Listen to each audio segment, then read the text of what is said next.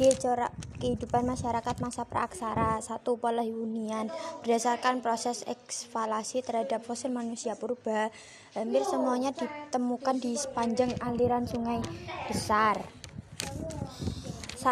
2. Dari nomaden sampai bercorak tanam sawah Cermati hasil penelitian baik yang berwujud fosil maupun as artefak lainnya dipercaya manusia purba yang ada di dalam di Jawa khususnya mengalami tahapan kehidupan sebagai berikut.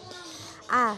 Nomaden tahap awal kehidupan yang dijalani adalah nomaden artinya berpindah-pindah dari satu tempat ke tempat yang lain. B. Xenominiden atau food garden terbatasnya kemampuan alam untuk memenuhi kebutuhan hidup masyarakat ter menurut setiap manusia untuk mengubah pola kehidupannya. C. Berhuma terhadapnya kehidupan selanjutnya yang dialam dijalani adalah berhuma atau berladang. Hal ini diduga menjadi diduga menjadi Pak pada masa pergerakan zaman Mesozoikum Mesulikum ke Neolitikum.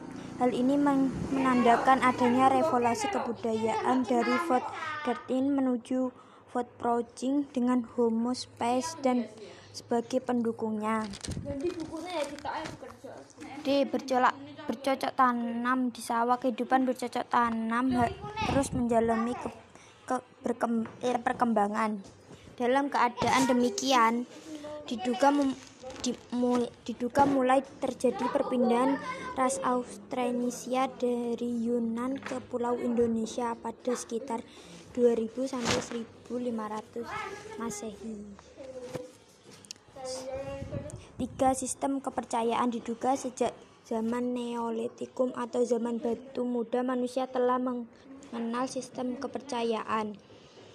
Mereka yakni bahwa seseorang yang telah meninggal akan akan ada kehidupan di alam lain. Sistem kepercayaan dan tradisi pembuatan bangunan batu-batu besar pada akhirnya mendorong lahirnya animisme dan dinamisme. A. Animisme Animisme adalah kepercayaan terhadap roh yang mendiami semua benda.